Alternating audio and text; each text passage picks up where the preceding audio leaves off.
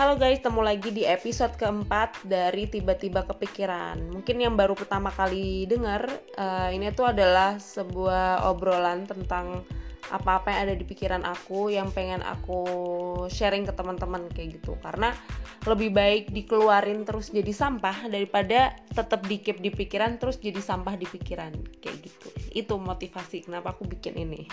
Semoga dimaklumin ya.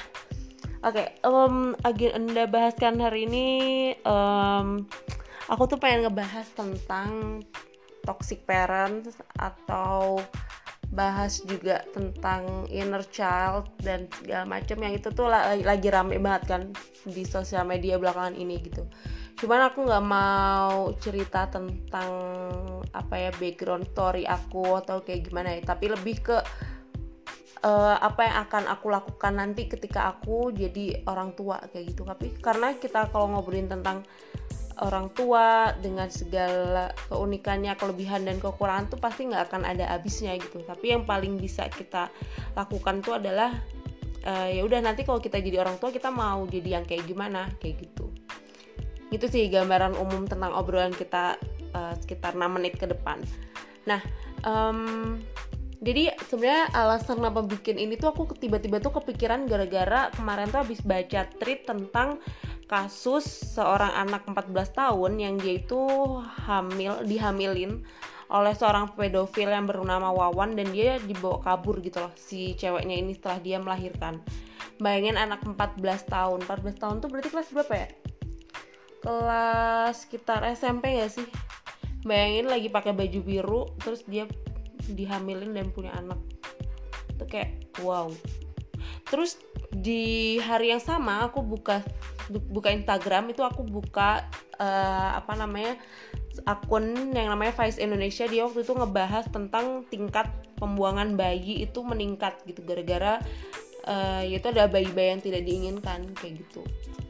Dan uh, apa ya kembali lagi ke beberapa hari sebelumnya. Aku lagi sering banget ya dapat dapat obrolan topik di sosial media itu yang berkaitan sama toxic parents terus ada inner child terus ya pokoknya segala hal yang berkaitan dengan problem uh, kesehatan mental kayak gitu. Yang rata-rata kalau aku perhatiin tuh orang orang-orang yang punya masalah di bagian kesehatan mental tuh pasti penyebabnya itu salah satunya itu adalah uh, pengalaman dia sama orang tuanya kayak gitu. Dan aku ngeliat bahwa oh kayaknya emang masa kecil tuh memang memang sestrategis itu ya untuk bisa memberikan kenangan pahit buruknya seseorang yang akan mempengaruhi dia sampai nanti pas dia tuh udah dewasa kayak gitu. Apalagi kalau teman-teman ngikutin dengan apa namanya bahasan tentang inner child gitu. Jadi kayak akan ada sosok anak kecil dalam diri kita yang nanti tuh waktu kita dewasa itu akan selalu ada gitu. Dan itu biasanya disebabkan sama uh, apa ya, hasil didikan dari orang tua kita.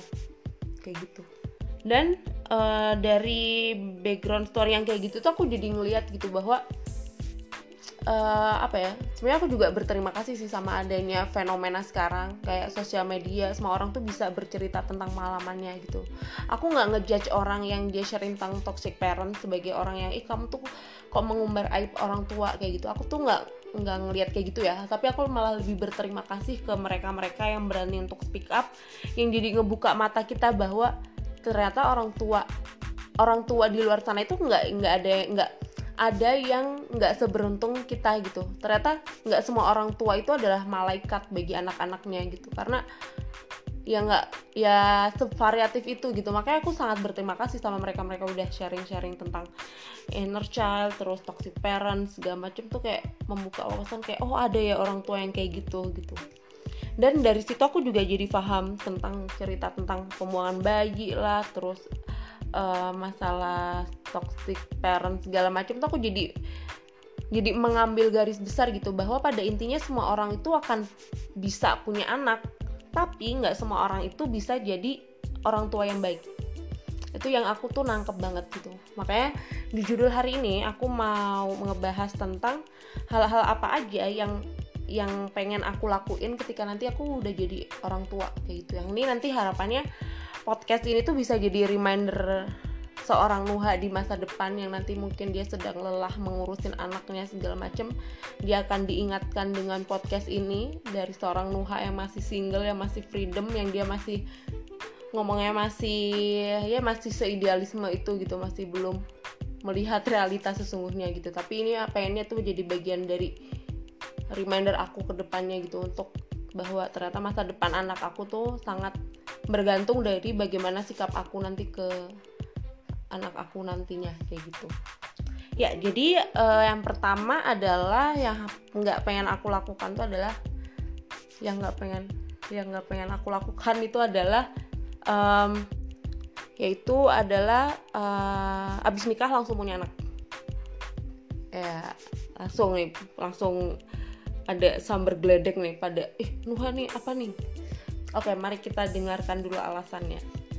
Um, apa ya aku tuh ngelihat bahwa aku juga dapat banyak sharing-sharingnya dari teman-teman aku yang udah nikah dan mereka langsung punya anak. Tuh ya suatu hal yang anugerah ya maksudnya kayak tetap disyukurin gitu. Maksudnya ya keren banget sih aku aku juga masih melihat bahwa anak tuh adalah titipan orang tua ya eh Allah gitu ya. Kayak Allah tuh akan menitipkan anak itu kepada orang-orang yang dirasa mampu kayak gitu cuman uh, kemarin tuh aku juga habis baca baca ini sih uh, trip juga yang tentang sebenarnya anak itu nggak bisa milih uh, apa ya kata-katanya aku lupa.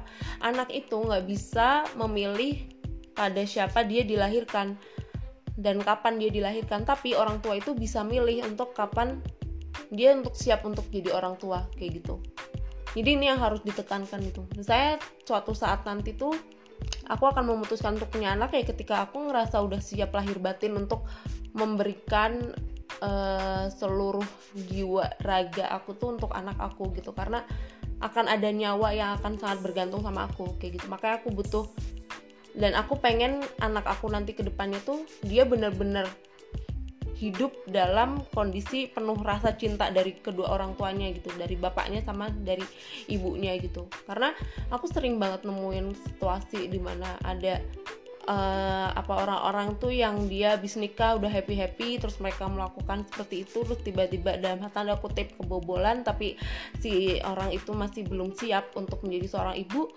ya dia pas masa kehamilannya dia tidak bahagia. Dalam artian kayak uh, apa ya dia masih struggling sama dirinya sendiri dan itu kan kondisi kejiwaan seorang ibu kan akan ngaruh ya sama uh, kualitas janin itu sendiri dan itu nanti bakal mempengaruhi uh, perkembangan dia, cara berpikir anak itu tentang bagaimana pertumbuhannya dia gitu. Jadi aku ngerasa bahwa ternyata ke kebahagiaan seorang ibu dalam mengandung anaknya itu nanti juga bisa berimpact pada kecerdasan si anak, tumbuh kembangnya si anak, si janin itu gitu. Ya makanya uh, pengennya tuh bukan seberapa cepat punya anak, tapi emang aku pengen lebih mempersiapkan gitu waktu waktu kapan aja yang mau kira-kira kapan aku siap untuk beneran punya anak gitu. Dan nanti pasti juga bakal aku komunikasiin ke pasangan aku nantinya gitu.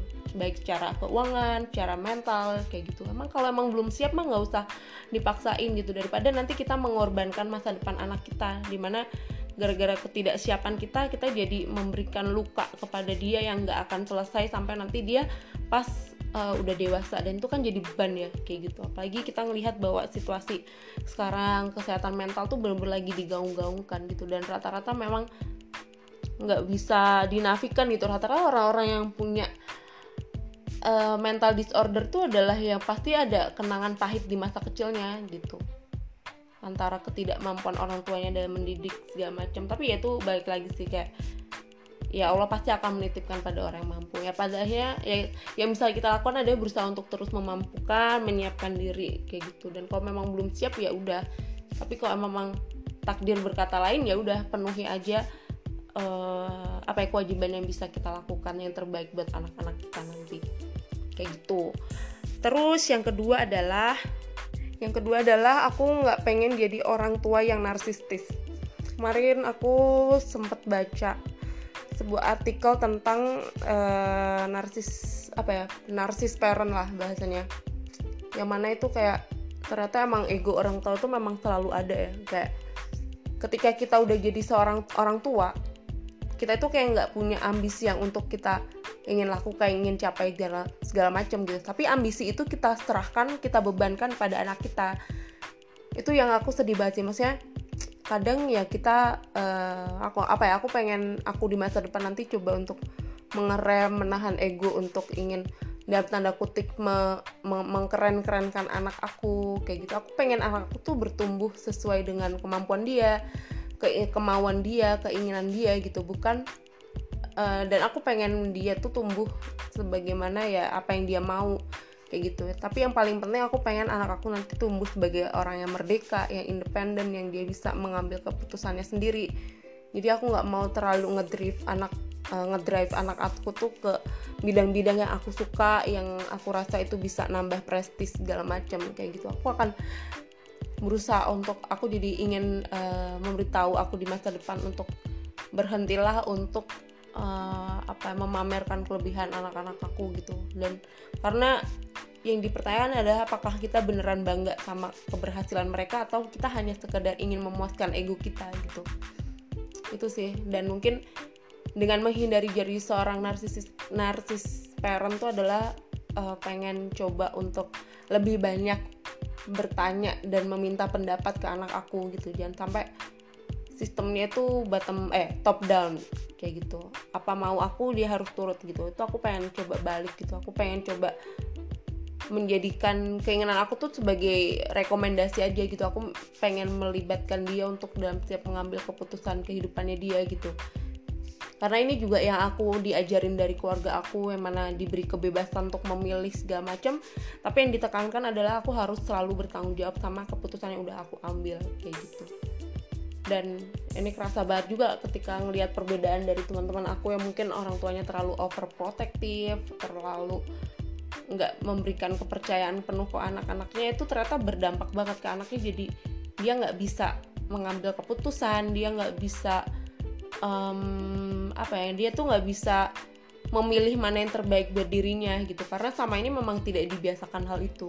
Kalau teman-teman lihat film NKCTHI yang nanti kita cerita tentang hari ini itu tuh Awan tuh ada sosok yang kayak gitu. Dan aku sangat nggak pengen punya anak yang kayak gitu. Aku pengen anak aku tuh memang mandiri dia bisa berdaya dia bisa mengambil keputusan yang baik buat dia. Selama itu nggak melawan uh, aturan-aturan yang udah diatur uh, secara agama kayak gitu.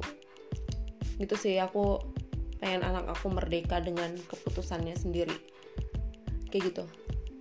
Uh, terus yang ketiga tuh adalah aku pengen anak aku eh salah. Aku pengen aku di masa depan untuk nggak um, terlalu ngelarang-larang dia untuk melakukan hal-hal lain gitu. Aku pengen aku belajar banget belajar banyak banget dari abi aku. Abi aku ngebebasin aku untuk mencoba banyak hal buat ngelakuin hal baru. Jatuh dia nggak terlalu panik dia mempercayakan nggak apa-apa nggak apa-apa kayak gitu. Yang yang mau aku tekankan di sini adalah tentang ya kemauan dia untuk mencoba hal baru gitu. Aku nggak mau menakut-nakuti dia atas segala hal yang dia sendiri nggak pernah coba gitu. Aku pengen ya dia akan mengeksplor dengan sendirinya gitu. Kayak gitu. Dan mungkin uh, aku berusaha untuk memberikan kepercayaan penuh ke dia gitu. Cuman ya ini ada rambu-rambunya juga sih nggak yang dibebasin yang gimana-gimana ya. Tapi ya tetap baik lagi ke gimana aturan dari yang udah tertuliskan di agama kan di Al-Quran kayak gitu. Aku pengen tetap berpacu di situ. Tapi selain itu di sisi pengembangan karakter aku pengen anak aku bisa lebih mandiri mau mencoba hal baru nggak takut sama hal-hal yang dia nggak pernah coba sebelumnya ataupun nggak pernah dia tahu sebelumnya gitu. Jadi pengen anak aku lebih bisa apa ya dia punya banyak pengalaman untuk mencoba hal baru yang bisa di share ke teman-temannya gitu. Aku pengen anak aku tuh kayak akan pengalaman banyak mencoba banyak hal yang itu akan jauh lebih seru gitu ketimbang kita kasih dia sekedar barang-barang yang juga nggak terlalu memberikan apa ya, kenangan yang berarti gitu. Karena pengalaman tuh adalah kenangan ter terbaik sih gitu. Jadi aku pengen jadi orang tua yang coba untuk lebih demokratis lebih um, apa ya lebih ke anak oriented gitu loh. Maksudnya dalam artian aku ingin menjaga menjadikan dia sebagai anak yang terbuka tidak ada yang ditutup-tutupin. Pengen dia tuh memperlakukan aku juga kayak sahabatnya sendiri. Karena dunia tempat kita berpijak tuh kayak terlalu bahaya nggak sih buat anak-anak kita nanti? Aku nggak akan kebayang sih gimana melihat pergaulan sekarang tuh udah parah gini. Apalagi ntar beberapa tahun ke depan yang itu akan dihadapin sama anak-anak kita. Jadi kayak oleh sebab itu aku mau apa ya ini yang jadi selalu motivasi aku buat nge-trigger aku untuk terus belajar hal baru. Karena ya aku nggak akan tahu apa yang terjadi di masa depan dan aku nggak mau makin memperbesar jurang antara aku sama anak aku yang sebenarnya tuh bisa ditutupin jurang gap umur segala macam tuh sebenarnya bisa ditutupin sama ilmu wawasan kayak gitu. Makanya aku harus effort lebih untuk terus belajar mengenali kehidupan dia mengenali uh, apa namanya karakteristik generasinya dia gitu. Jadi aku bener-bener kenal siapa anak aku nggak cuman sekedar formalitas aja gitu. Jadi memang emang challenging banget ya jadi orang tua itu emang apa ya jadi kayak tipik tipping point perubahan seseorang tuh biasanya jadi orang tua sih. Orang dia jadi lebih lebih apa ya yang aku lihat tuh emang jadi lebih bijak lebih bener-bener deh orang yang udah punya anak tuh apalagi cewek ya orang yang udah punya anak tuh lebih beda gitu loh auranya dia lebih keibuan bisa membawa ini kayak wow keren banget gitu. Menurut aku aku salut banget sama orang-orang yang udah jadi seorang ibu kayak gitu. Makanya mungkin tugas kita sekarang adalah kita mempersiapkan untuk jadi ibu yang terbaik buat anak-anak kita yang bisa nantinya tuh bisa melahirkan anak-anak yang memang jadi uh, apa ya role model pergerakan buat um, apa ya buat kehidupan selanjutnya gitu. Dia bisa jadi inspirasi buat semua orang bisa jadi kalau kata umi aku uh, apa ya bisa jadi lilin penerang bagi lingkungan sekitarnya. Kayak gitu aja sih. Paling itu sharing-sharing yang aku pengen sharing. Sharing-sharing yang pengen aku sharing? Uh, itu yang pengen aku share tentang hal ini tentang hal-hal yang pengen aku lakuin sebagai orang tua. Jujur aku nih nulisnya lagi di atas kasur nih mau tidur cuman tiba-tiba kepikiran dan kayaknya layak buat diposting. Jadi ya mohon maaf aja nih. Tiba-tiba panjang banget 17 menit cuy. Dan nggak tahu nih kayaknya karena ini panjang dan nggak sesuai janji yang ada di episode yang ke pertama jadinya kayaknya nggak akan aku promosiin sih nggak akan aku promote ke orang-orang karena ini panjang banget dan ini temanya juga agak sedikit menurut aku agak sedikit memalukan kayak takut dikira lagi kebelet nikah atau punya anak sendiri padahal ya sebenarnya kalau menurut aku kita harus belajar untuk membiasakan obrolan-obrolan tentang hal ini ya nggak sih? Karena siap orang tuh pasti nanti akan ada fase dia akan jadi orang tua. Jadi ya sama-sama mempersiapkan apa salahnya sih ya cuman kayaknya aku belum siap buat di share di IG story jadi aku posting aja di sini langsung. Ntar kalau yang dengerin ini tuh berarti dia lagi ngepoin akun uh, akun podcast aku kayak gitu. Jadi mohon maaf ini ini beneran kayaknya nih bakal jadi uh, podcast paling panjang di antara podcast podcast yang lain. Jadi kayak ya udah dengerin aja ya guys. Mohon maaf kalau kepanjangan dan tidak sesuai janji yang ada di podcast perkenalan. Yaudah gitu aja. Makasih banyak buat yang udah dengerin. Uh, mohon maaf ya kalau ada kesalahan Uh, dan ini pure ceplos-ceplos aja dan emang nggak terstruktur. Tiba-tiba apa yang kepikiran aku tuangin aja. Semoga ada hikmah yang bisa diambil. Dan mungkin boleh banget kalau kamu udah dengerin ini karena ini emang rahasia jadi mungkin kamu boleh kabarin ke aku lewat DM IG at nuha-nuha kalau kamu udah dengerin podcast ini. Dan kasih tahu ke aku gimana sudut pandang kamu kalau nanti kamu jadi orang tua. Apa yang mau kamu lakuin? Yaudah paling gitu aja uh, mohon maaf kalau ada kesalahan. Sampai ketemu di episode sendalan sendalutnya. Salah. Sampai ketemu di episode selanjutnya. Dadah